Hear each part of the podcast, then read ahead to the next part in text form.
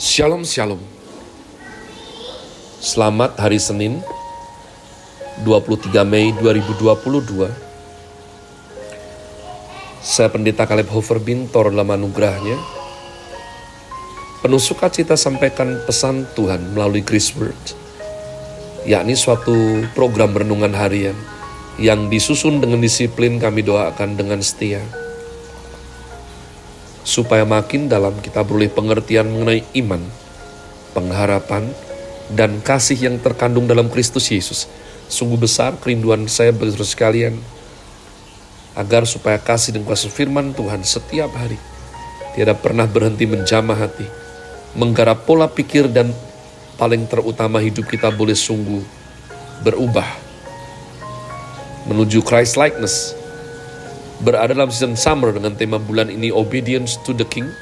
Chris Word hari ini saya berikan judul Ratapan Fatsal 4. Sebab demikianlah komitmen membaca kitab suci hingga habis sesuai agenda sudah mencapai ratapan Fatsal yang keempat. Adapun program ini juga di broadcast melalui channel GBI Rock Fluid dengan tajuk Podcast with Jesus Mari kita bergegas umat Tuhan menuju yakni kitab ratapan Fatsal yang keempat. Sengsara Sion yang he, hebat. Sengsara Sion yang dahsyat. Ah, sungguh pudar emas itu. Mas murni itu berubah. Batu-batu suci itu terbuang di pojok tiap jalan anak-anak Sion yang berharga, yang setimbang dengan emas tua. Sungguh mereka dianggap belanga-belanga tanah buatan tangan tukang periuk. Serigala pun memberikan teteknya dan menyusui anak-anaknya. Tetapi putri bangsaku telah menjadi kejam, seperti burung unta di padang pasir. Lidah bayi melekat pada langit-langit karena haus. Kanak-kanak meminta roti tetapi tak seorang pun yang memberi. Yang biasa makan yang sedap-sedap mati bulur di jalan-jalan. Yang biasa duduk di atas bantal kirmizi, terbaring di timbunan sampah.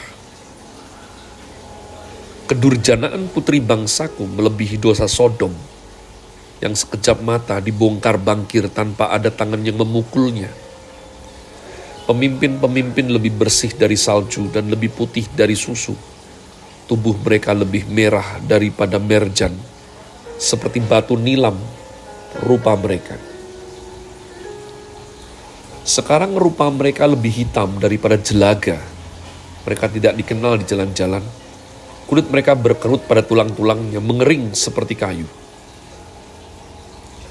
Lebih bahagia mereka yang gugur karena pedang daripada mereka yang tewas karena lapar, yang merana dan mati sebab tidak ada hasil ladang.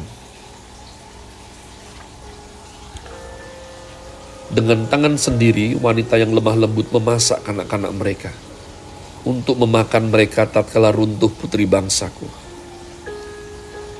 Tuhan melepaskan segenap amarahnya, mencurahkan murkanya yang menyala-nyala, dan menyalakan api di Sion yang memakan dasar-dasarnya. Tidak percaya raja-raja di bumi pun seluruh penduduk dunia bahwa lawan dan seteru dapat masuk ke dalam gapura-gapura Yerusalem. Hal itu terjadi oleh sebab dosa nabi-nabinya dan kedurjanaan imam-imamnya yang di tengah-tengahnya mencurahkan darah orang yang tidak bersalah. Mereka terhuyung-huyung seperti orang buta di jalan-jalan, cemar oleh darah, sehingga orang tak dapat menyentuh pakaian mereka. Singkir, najis. Tuhan sendiri mencerai beraikan mereka, tak mau lagi ia memandang mereka. Para imam tidak mereka hormati, dan orang-orang tua tidak mereka kasihani. Selalu mata kami merindukan pertolongan, tetapi sia-sia. Dari menara penjagaan kami menanti-nantikan suatu bangsa yang tak dapat menolong. Mereka mengintai langkah-langkah kami sehingga kami tak dapat berjalan di lapangan-lapangan kami. Akhir hidup kami mendekat. Hari-hari kami sudah genap. Ya, akhir hidup kami sudah tiba. Pengejar-pengejar kami lebih cepat daripada burung raja wali di angkasa. Mereka memburu kami di atas gunung-gunung, menghadang kami di padang gurun. Orang yang diurapi Tuhan, nafas hidup kami, tertangkap dalam pelubang mereka. Dia yang kami sangka, dalam naungannya kami akan hidup di antara bangsa-bangsa. Bergembira dan bersukacitalah hai putri Edom, engkau yang mendiami tanah Us, juga kepadamu piala akan sampai. Engkau akan jadi mabuk lalu menelanjangi dirimu telah hapus kesalahanmu Putri Sion. Tak akan lagi Tuhan membawa engkau ke dalam pembuangan. Tetapi kesalahanmu Putri Edom akan dibalasnya.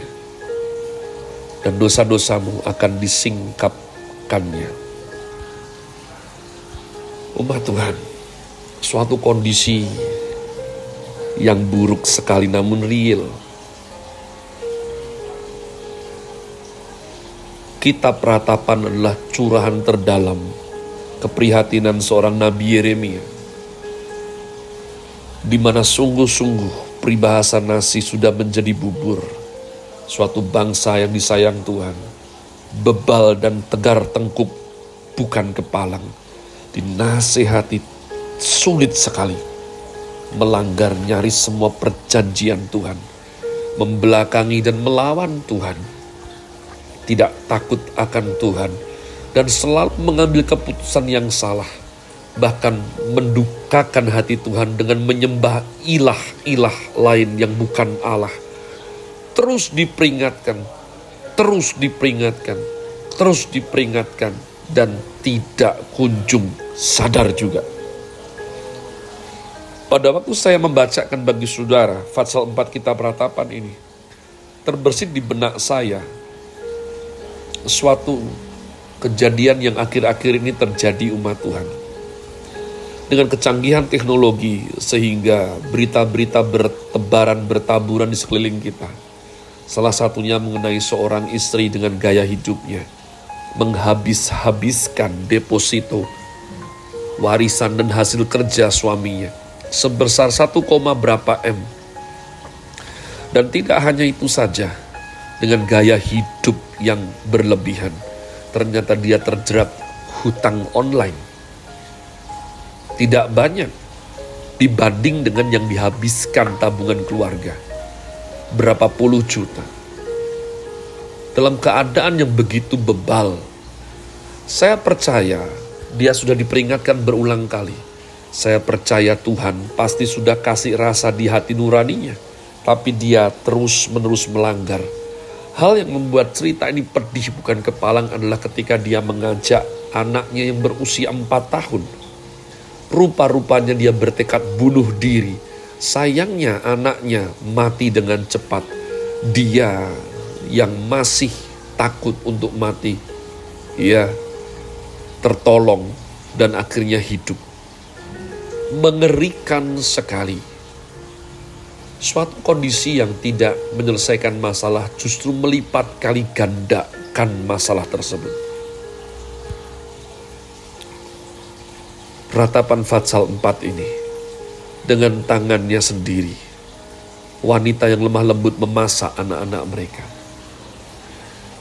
Umat Tuhan, walaupun tidak dengan arti yang sesadis ketika kelaparan itu datang karena orang yang mati karena kelaparan, bayangkan mati karena kelaparan. Dikatakan firman Tuhan lebih berbahagia mereka yang ditebas pedang, istilahnya dengan cepat mati.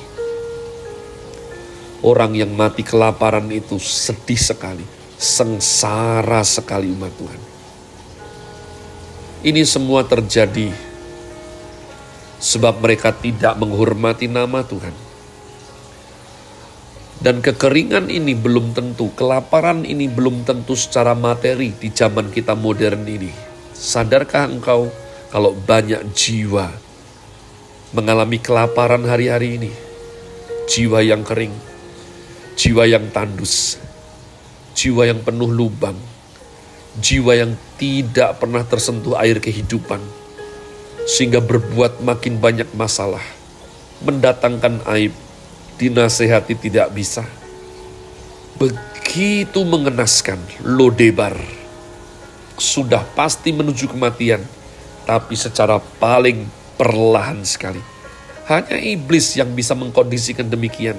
Tapi bagaimana mungkin seorang manusia yang dianugerahi bisa-bisanya terus kemakan tipu muslihat tersebut. Ma Tuhan hari ini saya akan tutup dengan seruan daripada kitab suci kita. Jika hari ini di hatimu kau dengar panggilan lembut Tuhan, jika hari ini engkau mendengar suaranya, jika engkau teringat betapa baiknya Tuhan itu, hari-hari baik ketika engkau diusap air matamu, Tuhan mengulurkan tangan menolong dan meringankan bebanmu. Tuhan yang sama masih memanggil dan menunggu engkau. Jangan keraskan hatimu. Datanglah kepada Tuhan. Minumlah air kehidupan dan engkau akan hidup. Jangan keraskan hatimu sehingga semuanya hancur binasa. Have a nice day. Tuhan Yesus memberkati saudara sekalian. Sola. Grazie.